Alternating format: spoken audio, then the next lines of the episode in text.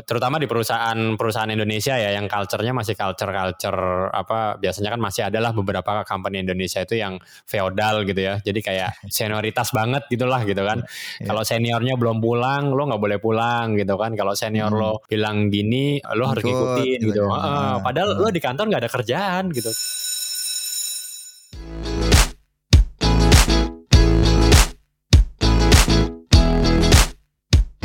Sebenarnya kalian tuh pernah kayak gitu gak sih? Kayak kalian ngerasa atau kalian lagi lewat apa mengerjakan sesuatu gitu ya kalian dipekerjakan gitu kan dengan benefit yang secara angka atau ya secara yang sifat tangible gitu bagus gitu kan? Atau kalian puas tapi tetap aja kalian mau cabut gitu? Wah pernah pernah banget sih. Uh Hebat loh Ji. Sampai sekarang. sekarang. Pernah banget. Enggak, tapi tetap tetap aja sih. Kayaknya kita secocok-cocoknya sama perusahaan itu kan pasti ada ada nggak cocoknya kan. Dan ya kayak kita juga pernah bahas di beberapa episode yang lalu kan alasan-alasan kita cabut gitu loh. Jadi sebenarnya kan kita kerja itu bukan cuma buat gaji ya. Oke gaji sih satu hal gitu. Tapi kan kenyamanan itu kan uh, yang kalau gua buat gua pribadi sih yang yang utama ya gitu. Jadi dan menurut gua uh, itu juga sih yang yang bikin orang-orang kayaknya kebanyakan orang cabut itu bukan karena gajinya kurang deh rata-rata ya rata-rata ya. Mungkin ya ada sih orang-orang yang memang karena karena apa package-nya atau benefitnya nggak cocok gitu kan. Tapi kebanyakan orang yang gua tahu itu pasti pindah perusahaan bukan karena karena benefitnya sih gitu. Uh, nah tapi kan kalau kayak gitu berarti benefit atau package itu kan sebenarnya masuknya ke apa ya ke keamanan. Dan lu memilih kenyamanan ketimbang keamanan atau gimana sih lu ngeliatnya? Menurut gua tetap tetap keamanan kalau gua pribadi ya. Tetap keamanan pertama lah ya. Gak mungkin lo nyaman tapi hidup lo gak aman kan. Bagaimana lo bisa nyaman gitu. Okay. kalau setiap hari lo deg-degan ini cukup gak ya bulan ini gitu kan. Tapi tetap ya tetap keamanan dulu lah ya. Pasti kita punya batas kayak batas minimal lah. Oke yang penting cukup lah gitu ya. Nah setelah itu jelas kenyamanan gitu kan. Nah kenyamanan itu macam-macam. Oh ya nih ini ini gue baca di buku yang mana ya? Ada tiga hal katanya yang membuat tim lo atau lo lo sendiri gitu ya. Lo itu bisa bahagia kerja lah ya gitu. Yang pertama itu uh, dan dan ini nggak nggak ngomongin tentang package nih. Jadi tiga hal ini enggak nih. Jadi yang pertama itu katanya kalau uh, lo itu melakukan sesuatu di luar dari beyond kerjaan lo lah gitu. Jadi kalau misalnya kerjaan lo itu apa gitu ya, lo itu kayak punya purpose lebih dari perusahaan itu gitu. Misalnya kalau gua gitu ya di pemimpin.id gitu kan dibilangnya visi kita misalnya membuat uh, lebih banyak pemimpin di Indonesia gitu. Nah jadi akhirnya kayak orang itu nggak kerja cuma buat pekerjaannya tapi dia itu kayak punya purpose lebih dari itu gitu. Nah di situ itu dibilang kalau perusahaan lo bisa ngasih itu itu salah satu sumber kebahagiaan gitu. Terus yang kedua kalau lo itu diberi ruang buat grow. Nah ini ini ini juga nih yang tadi terkait dengan kenyamanan nih gitu kan. Kalau lo itu dikasih otoritas gitu kan. Lo bilang ruang, ruang grow kayak nama company gitu ruang grow. Oh, yes. Kenapa ketawanya kencang sekali Rama? Apa Rama? Apa Rama? Apa Rama? Enggak apa-apa. Em emang di situ kita bisa grow beneran sih. Bentar, abis ini abis ini kalau Rama ini kita mau angkat masalah ini. ya udah, nah itu jadinya uh, lo lo bisa lo bisa bisa grow atau enggak gitu kan di situ. Terus yang ketiga lo itu bisa master atau enggak. Jadi oke okay, mungkin lo uh, bisa grow gitu ya. Tapi lo itu bisa bisa master enggak sih? Misalnya di divisi apa uh, lo ngoding gitu ya. Apakah dengan lo kerja di situ uh, lo bisa ilmu teknologi lo jadi lebih tinggi gitu. Nah jadi uh, tiga hal itu tuh. Jadi ketika orang itu bisa dikasih ruang buat tiga hal itu uh, biasanya orang-orang itu bisa nyaman kerja gitu. Apa tadi tiga tiga tiga hal itu? Yang yang pertama uh, perusahaan ngasih purpose. Jadi kayak di luar dari pekerjaan uh, lo. Jadi kayak uh. Uh, sebenarnya lo ini ngelakuin apa sih gitu? Melakukan hal yang besar untuk Indonesia atau untuk dunia kayak gitu-gitu tuh. Jadi purpose-nya itu harus nyampe. Terus yang kedua lo dikasih otoritas buat berkembang. Jadi kayak lo itu diberi uh, diberi otoritas buat ngambil keputusan. Ruang tadi ya. Uh, jadi ruang-ruang ruang grow tadi gitu. Terus yang ketiga lo ya. diberi ruang buat jadi master, master di bidang lo gitu. Expert di bidangnya lah ya. Expert, expert bisa jadi expert di bidangnya gitu. Oke, oke, oke. Hmm, menarik. Uh, karena kalau gue lihat, eh, tapi kalau gue lihat sebenarnya gini sih kalau tadi lu bilang purpose ya. Purpose itu kan gak harus yang muluk-muluk untuk Indonesia, untuk dunia, tapi ya benar. Untuk dunia gitu kan atau untuk ruang antar galaktik gitu kan mungkin nggak ya, uh, nggak nggak selalu lah gitu kan kalau misalkan kenapa lu join SpaceX karena gue mau uh, membuat impact untuk antar galaktika gitu kan. Mungkin nggak semuanya harus kayak gitu gitu kan. Kayak gitu pun nggak apa-apa sih. Iya bukan berarti itu yang bu, bukan tapi bukan berarti semuanya itu harus yang untuk Indonesia atau untuk dunia. Ini mungkin ya, biar ya. biar orang tuh nggak ini juga sih kayak nggak nggak yang ngerasa ya kan kalau misalkan tempat gue sekarang nggak ada untuk dunia atau untuk Indonesia berarti purpose gue jelek dong. Nggak juga gitu kan. Benar benar. Nah, karena, karena kan ujung-ujungnya sebenarnya masalah cocok atau enggak nih gitu. Purpose yang yang ditawarkan atau yang dijadiin drive-nya si company tersebut sama purpose yang kalian tertarik itu sama atau enggak gitu atau atau ketemu enggak benar. gitu kan. Ya lebih ke situ. Dan benernya relate sama yang kita mau bahas hari ini juga sih tentang culture kan. Jadi kayak yeah. ketika kita mau milih perusahaan itu ya mungkin di luar dari yang tiga itu yang membuat nyaman adalah nih culture-nya sesuai nggak nih sama sama culture gue pribadi? gitu kan sama tapi kalau misalkan misalkan tadi tiga hal tadi yang lu bilang ya otoritas terus habis itu kesempatan hmm. untuk jadi expert sama satu lagi itu adalah purpose. purpose. Itu bukannya beberapa dari hal yang jadi building blocks-nya culture ya dari suatu company? Iya sih. Iya iya iya iya iya benar benar benar benar karena kan kalau kalau kita ngomongin kalau kita ngomongin culture itu kan memang luas ya culture itu ya. Budaya itu kan timbul dari suatu kebiasaan dan dan dan budaya itu timbul dari dari ada yang sifatnya itu terbiasa secara organik, ada yang diinjinir gitu atau yang di, direkayasa. Direkayasa itu bisa bisa jadi ada suatu policy yang dipush sehingga membuat suatu kultur baru gitu kan. Hmm. Nah, ya kan kayak kayak gitu. Atau mungkin ada ada ada ada enablement dari suatu teknologi atau enablement dari suatu solusi yang akhirnya membuat kultur baru gitu. Itu jadi kebiasaan lagi gitu kan. Ya. Nah, ini ini menarik banget sih karena kalau misalkan kita lihat di Instagram si uh, The Work Salary Man habis itu gue juga coba ngobrol sama beberapa temen itu juga culture yang gak fit atau mereka merasa nggak cocok dengan culture-nya itu jadi alasan yang cukup cukup sering muncul gitu yang membuat mereka tuh hmm, hmm. pengen mencari kesempatan yang baru di tempat yang lain hmm. maksudnya gitu. Kalau Rama gimana Ram? ya akhirnya sampai ke Rama. Gimana Ram? Gimana Ram? Tapi sebenarnya sebelumnya uh, kalau dari omongan kalian berdua kan kayaknya culture tuh suatu hal yang sangat sangat sangat sangat krusial gitu ya. Gue penasaran sih. Mungkin dari dari kalian berdua dulu ya. Apakah dari kalian berdua tuh misalkan uh, mau gitu jump out dari satu buah company yang culture yang menurut kalian nggak pas, tapi ketika jump out itu benefitnya sama. Mau gak sih kalian? Mau. Gue yang sebelumnya juga gitu sih. Ya maksudnya gue di perusahaan yang gue yang sebelumnya, terus gue sekarang ke pemimpin itu kan, itu itu more kayak gitu kan. Karena uh, apa ya kalau culture-nya nggak sama sama itu lumayan draining energi gitu loh. Jadi bandingannya gini, lo dengan benefit yang more sama, tapi lo bisa lebih nyaman gitu.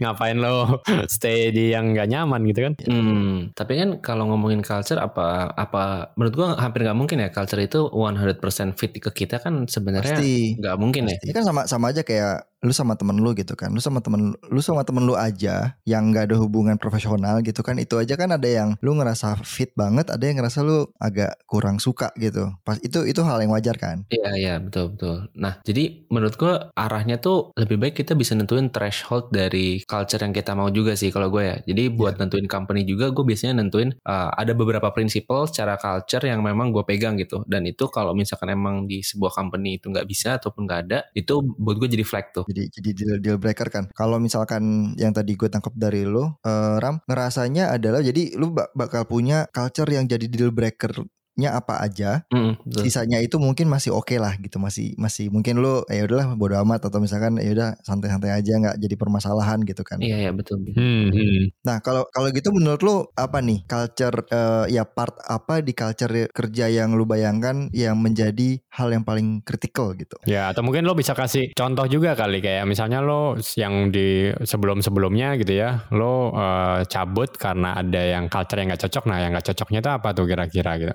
Hmm, Hmm, berat nih ya, berat berat. Uh, oh pernah sekali gue pernah sekali yang secara culture itu bener-bener nggak, wah di gue agak kurang sih, di gue agak kurang. Itu gini sih, misalkan gue punya supervisor ataupun ataupun direct boss gitu kan, uh, mereka itu culture-nya ya semua orang harus ngikut dia gitu, semua orang harus ngikut pace-nya dia, semua orang harus hmm. apa namanya ngikutin gaya gaya kerjanya dia dan lain-lainnya. Itu gue udah red flag sih, karena buat gue hmm. everyone is born different gitu kan. Jadi mereka punya cara masing-masing, punya gimana mereka bisa maximize suatu hal dengan cara mereka sendiri gitu. Uh, gue agak kurang setuju sih dengan, dengan sistem yang harus following bener-bener gitu loh. Kayak misalkan, oh ya gue banyak lembur nih, kalian semua ikutin gue ya gitu. Itu, itu salah satu contohnya. Ya, ya. Cuman uh, lebih daripada itu, gue agak kurang suka sih. Bukan agak sih, itu deal breaker banget bahkan menurut gue. Oke. Ya ya. Ini ini bener yang kayak tadi yang gue sebut tiga hal tadi kan Pau. Ini kan nomor dua ya. Berarti kan otoritas. Lo tidak punya kebebasan gitu kan. Buat menentukan Hmm. hidup lo gitu. Jadi kayak lo itu harus ngikut kayak bos lo gitu kan. Nah itu kan Iya. another another reason tuh orang-orang jadi nggak jadi nggak happy gitu. Mhm.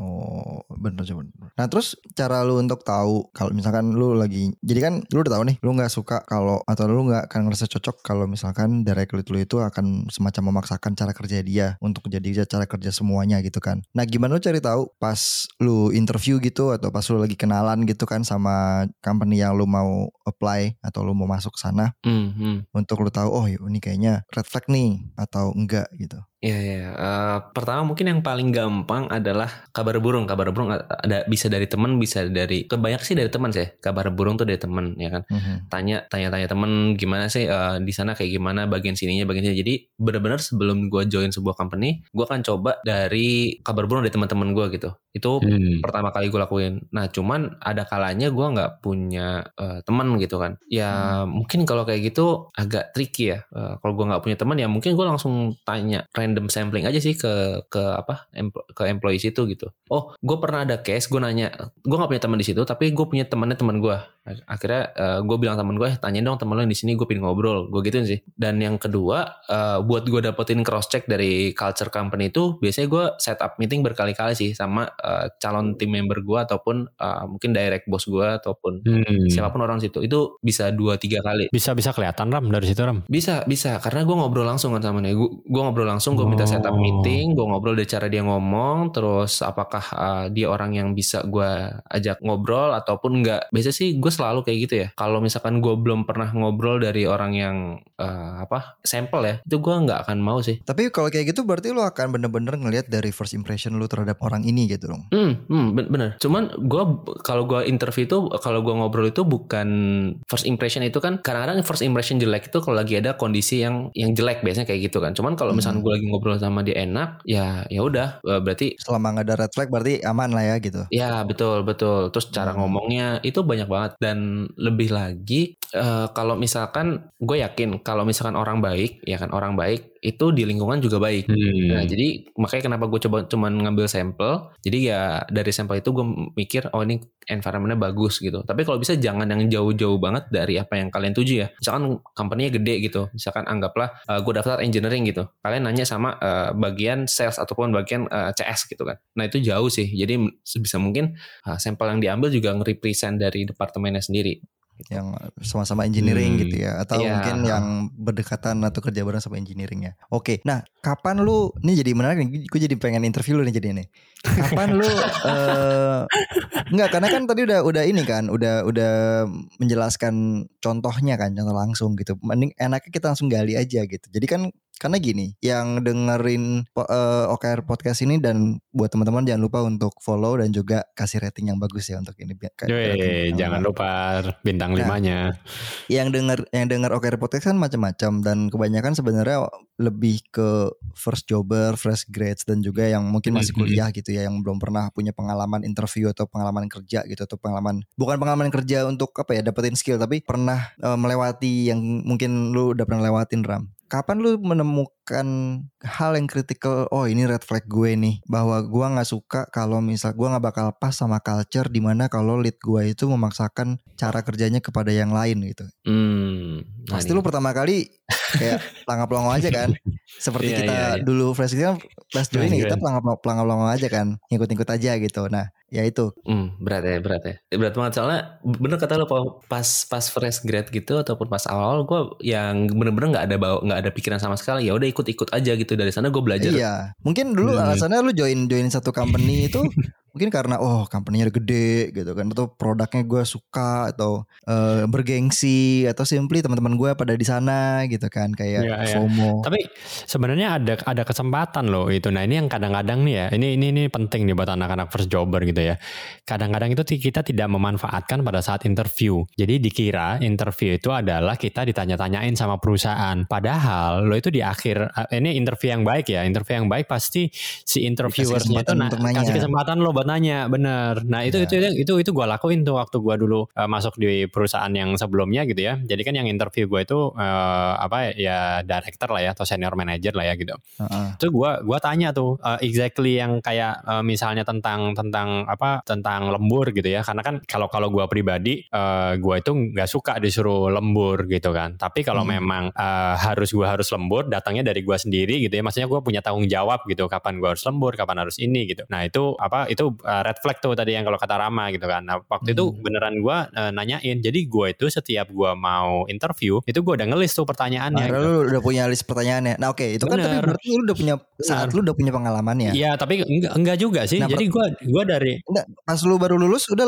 langsung punya listnya. Iya, iya karena gua belajar kan gimana caranya interview gitu kan. Ya, itu itu Oh. itu gue cari-cari tuh. Jadi ya kalau kalau gua bisa share ya pertama kali gua interview kan waktu gua lulus di Jerman kan. Waktu itu di Jerman itu gua udah nanyain tuh. Jadi emang bener-bener kayak gua udah punya list ketika gua mau interview gua udah punya list pertanyaan dari gua sendiri gitu. Nah itu yang buat gua ngetes tadi culture gitu. Jadi yang red flag red flag tuh gua tanyain gitu. Jadi eh, bener-bener gitu gua gua tanyain ya tadi kayak red red flag gua itu apa lembur gitu ya karena menurut gua gua itu setelah setelah waktu kerja itu adalah kehidupan gua gitu gua mau apa kerja di tempat lain kayak gitu mau ngapain Enggak, tapi kan lu belum pernah belum pernah punya pengalaman lembur kan? Eh, kan ini ag- agak beda ya kalau gue lihat ya berarti nih. Ini ada ada ada dua contoh yang beda nih. Ini asik nih gue jadi jadi host sekarang kayaknya nih. Rama itu kayaknya tipe-tipe yang pas join pelanggan-pelongo udah ikutan aja tapi along the way Hmm. akhirnya nemu oh red flag gue adalah kalau leader gue itu memaksakan cara kerjanya kepada bawahannya atau ke timnya. Sedangkan Ya. Aji itu ekstrim yang lain nih, ekstrim yang udah Ya. well prepared. Even pas interview pertama kalinya udah punya list of eh, apa yang gua nggak prefer atau gua nggak suka dari satu company gitu kan. Mm. Nah, kalau gue tadi kan eh, yang red flag buat gue kan eh, lembur ya. Nah, kenapa gue bisa punya itu bukan karena pengalaman, tapi kan eh, gue dulu kan begitu selesai S1 kan langsung S2 kan, Pau. Nah, jadi teman-teman gue kan udah pada kerja tuh. Terus Hmm. teman-teman gue di Indo pada cerita kan kayak, wah gila gue nggak bisa pulang kantor gara-gara bos gue masih di kantor kayak gitu kan. Terus kayak oh oke. Iya di terutama di perusahaan perusahaan Indonesia ya yang culture-nya masih culture culture apa biasanya kan masih adalah beberapa company Indonesia itu yang feodal gitu ya. Jadi kayak senioritas banget gitulah gitu kan.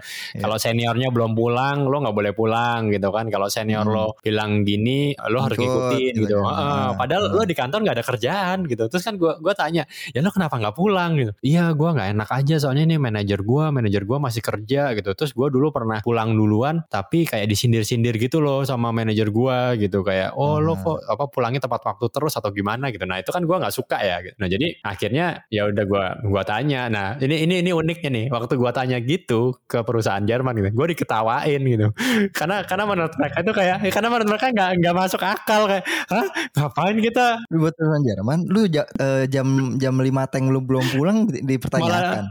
malah dipertanyaan eh serius gua dulu pernah kerja sampai jam 7 diusir satpam cuy dikunciin sama satpam serius serius di perusahaan Jerman Enggak karena kan kalau kalau misalkan kalau misalkan di di di working culture-nya di Jerman atau ya mungkin Hmm. mostly Eropa kali ya Eropa Barat gitu. Kalau lu kerja lu lu kerja long hour berarti ada yang salah sama kerjaan lu gitu. itu yang yang yang waktu itu gua apa dikritik sama bos gua itu kan gitu. Jadi katanya Iya. kekurangan gua kerjaan lo ker- kerja lo terlalu lama katanya gitu kan. Nah, jadi sampai itu sampai diusir. Nah, pada waktu gua tanya kayak gitu eh apa eh diketawain gua sama bos-bos gua gitu. Nah, tapi waktu gua balik ke Indonesia eh, kan gua tetap. Eh, tetap tetap kerja di perusahaan Jerman juga kan gitu. Nah tapi gua Hmm. mastiin lagi nih, mastiin lagi ke bos ke bos gua gitu kan. Kalau di sini nggak ada culture yang gua takutnya kan kan walaupun perusahaan Jerman tapi tetap culture-nya Indonesia gitu kan. Hmm. Tapi ternyata juga juga nggak juga gitu. Jadi akhirnya mau Hmm. gua kerja gitu. Itu sih sih cara gua nanya culture tuh ya pada saat interview gitu. Nah, tapi lu menemukannya itu karena teman gitu ya. Dari dari dari Hmm, teman hmm, kita hmm. habis itu lu bisa tahu oh ternyata hal ini yang gue suka, hal ini yang gue nggak suka yang gue bayangkan kalau gue mau kerja itu kayaknya gue mau menghindari tempat yang seperti itu gitu kan. Ya, ya. Itu mena- menarik tuh apa eh sebenarnya kata-kata nanya culture ini gue berkaca dari interview interview interview gue ya. Eh, Hmm. bu, bu- bu- sorry bukan gue interview tapi gue nginterview orang ya kan jadi Weh, sekarang udah interview. senior, udah senior. tapi eh, jadi gue juga selalu nyediain eh, pertanyaan untuk eh, apa namanya orang itu tanya ke gue gitu sebagai interviewernya. Nah cuman ternyata dari cara mereka nanya aja itu udah basic banget pertanyaannya. Bener. Bahkan kadang-kadang ada yang nggak ada lagi. Tapi tuh sebenarnya ini loh, ya sebenarnya tuh em, di fase yang eh, orang apa si si kandidatnya itu diberikan waktu untuk bertanya, itu sebenarnya ma- manfaatnya jadi jadi dua loh menurut gua. Satu untuk yang yang apply, yang yang kandidatnya itu menanyakan apa yang mau ditanyakan kan. Mm-mm. Nah, Yang kedua, bagi yang yang si interviewernya, Interviewernya. dia bakal da- mendapatkan kesan, wah nih orang prepare atau enggak nih. Iya, pertanyaannya bagus nggak gitu kan? Eh, memang tapi gini, tapi bukan berarti bukan berarti penilaian se- seseorang itu dalam satu interview itu hanya dari pertanyaan dilontarkan, nggak juga gitu kan. Cuman yang paling biasanya kentara itu adalah kalau misalkan nih orang ini atau kandidat ini dia nggak nanya, wah orang ini nggak prepare nih. Gue malah khawatir gitu kan. Masa sih nggak ada yang mau dicari tahu gitu. Tipe-tipe bodoh amat ya. Iya. Kan kalau misalkan lu bay- bayangin deh kalau lu nge-apply gitu ya, lu apply suatu suatu role gitu ya dalam suatu company. Harusnya kan lu juga ngeriset dulu kan kayak nyari tahu nih kerjanya Iya, ngapain sih gitu kan. betul. Terus mungkin lu cari-cari kayak yang eh, Rama kerjain kan nanya ke temennya lah atau temennya temen tentang gimana sih kerjaannya di company ini gitu kan. Terus sebenarnya kan pas pas sesi interview itu dia punya kesempatan untuk misalkan memvalidasi anggapan dia gitu kan atau mengkonfirmasi Bener banget sih. eh, omongan orang gitu kan. Nah, sering kali tuh terutama yang ini ya, mungkin terutama yang yang baru lulus gitu atau mungkin baru eh, sekali di tempat kerja yang sekarang gitu kan. Suka nggak muncul tuh pertanyaan-pertanyaan seperti itu. Bener, bener. Gue beberapa kali interview bahkan ya itu tadi eh, waktu gue tanyain ada pertanyaan buat kita gitu kan, nggak ada gitu kayak udah kak, udah clear semua. Wah itu sayang sekali saudara-saudara itu. itu padahal waktu yang iya itu. Justru itu waktu yang sangat berharga untuk kita tahu apakah nantinya secara kultur kita akan fit atau enggak gitu ya. Ujung-ujungnya ke sana kan. betul betul. Oke, jadi mungkin poin apa takeaway yang pertamanya adalah kalau misalkan mau interview sama company, sesuatu company gitu siapin apa yang mau ditanyain, ya kan? Mm-mm, mm-mm. Ada ini Yang nggak kedua. contoh contoh contoh pertanyaan yang, yang Nah, paling ini. sering ditanyain sama kalian atau yang kalian dapetin atau menurut kalian untuk bisa tahu culture-nya itu seperti apa? Nanyanya nanya apa sih contohnya? Ada nih gue nih. Ini mungkin yang yang menurut gue pertanyaan basic yang menurut gue ya ini ya ini pertanyaan nggak nge-represent apa-apa gitu ya. Pertama kayak misalkan kalau engineering di sana stacknya kayak gimana gitu. Wah kalau stack sih sebenarnya udah sebenarnya tuh biasa aja gitu. Nah itu basic. Terus sama nanya eh, di sana tuh eh, SDLC-nya kayak gimana bla bla bla bla bla. Buat gue pertanyaan yang benar-benar bisa ngebantu lo untuk mengenal culture di sebuah perusahaan adalah pertanyaan study case. Mhm. Jadi contoh nih contoh. Biasanya gue buka dengan pertanyaan kayak gini. Eh, Mas eh, tanya Mas X eh, tanya dong di sana tuh di sisi engineering tuh masalah yang paling sering dihadapin tuh apa sih? Tanya nih kan pertanyaan pembuka. Nanti dia ngomong, "Oh iya sekarang kita tuh lagi eh, apa susah buat nge-hiring senior gini gini gini gini."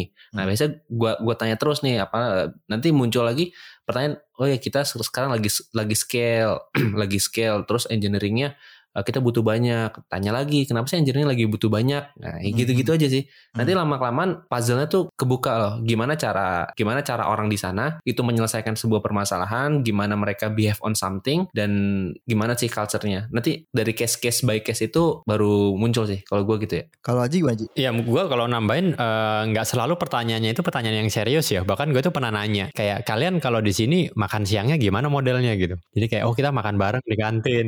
Ambil piring, masukin nasi, sambil sendok, makan. ya. Enggak, gue gua itu itu masalah culture loh. Jadi kayak oh kita di sini ada kantin, kadang-kadang kita makan-makan bareng gitu. Nah terus jadi kan jadi cair kan. Terus kayak oh terus kalau kalian uh, pada pulang setelah pulang kerja gitu pada suka pada suka nongkrong nggak sih setelahnya gitu. Jadi maksudnya itu pertanyaan ya again ya kayak uh, lo kalau misalnya diwawancara pede-pede aja gitu karena kan sebenarnya du- dua belah pihak kan. Dua belah pihak itu kita pengen saling tahu gitu. Dalam hati si interviewnya, wah nih orang mau JBJB nih kayaknya. Mau ikutan nongkrong nih kayaknya. iya, jadi kan kayak uh, ya nanti kita bisa bisa kasih tahu lah ya gitu karena uh, apa uh, kita bisa bilang ya gue pengen tahu culture sosial sosialisasinya gimana itu itu akan sangat bermanfaat buat gue karena uh, gue hmm. belajar langsung dari diskusi misalnya kayak gitu hmm. kayak gitu gitu terus atau misalnya uh, biasanya di sini misalnya nih culture yang cocok sama gue kan uh, culture growth gitu kan. Ya, uh, kalau ya. kalau lingkungannya itu suka belajar. Nah, terus tanyain juga aja di sini ada ada ada ada oh, budaya ya. sharing-sharing enggak? Uh, biasanya saling sharingnya gimana? Uh, biasanya kalau transfer knowledge. Kayak budaya sharing kan. Sharing. anak-anak Naruto. nggak ada didet nih, nggak ada nggak ada yang lanjutin. Ya makanya gue gue mencoba untuk bikin lebih ini Soalnya kalau nggak ada dia tuh episode tuh akan jadi serius gitu. Jadi serius. Kalau gue kayak gue jadi kembadutnya kadang-kadang. Oh gitu jadi iya. nanya-nanya budaya ada budaya sharing apa gitu ya. Ya, ya ya kalau mau lo lebih yang serius ya lo uh, nanya visi misinya. Itu kan nah ini ini gue bisa share nih. Ada ada satu waktu itu gue wawancara uh, waktu di pemimpin ID ya.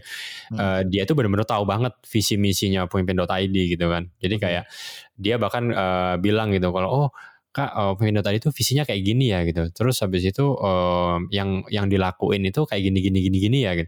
Kalau misalnya gue punya ide kayak gini make sense gak sih dilakuin di pemimpin.id gitu? Kayak anjir ini orang udah kayak prepare banget gitu kan. Kayak terus gue bilang oh ya bisa banget itu mah keren banget gitu. Iya yeah. kak gue tuh udah ngikutin terus kayaknya kalau ngelakuin ini pemimpin ID bakalan lebih bagus deh gitu. Nah itu kan jadi kayak uh, ini juga ya apa uh, ya kita again ya buat interviewer juga wah ini anak keren nih persiapannya bagus gitu kan.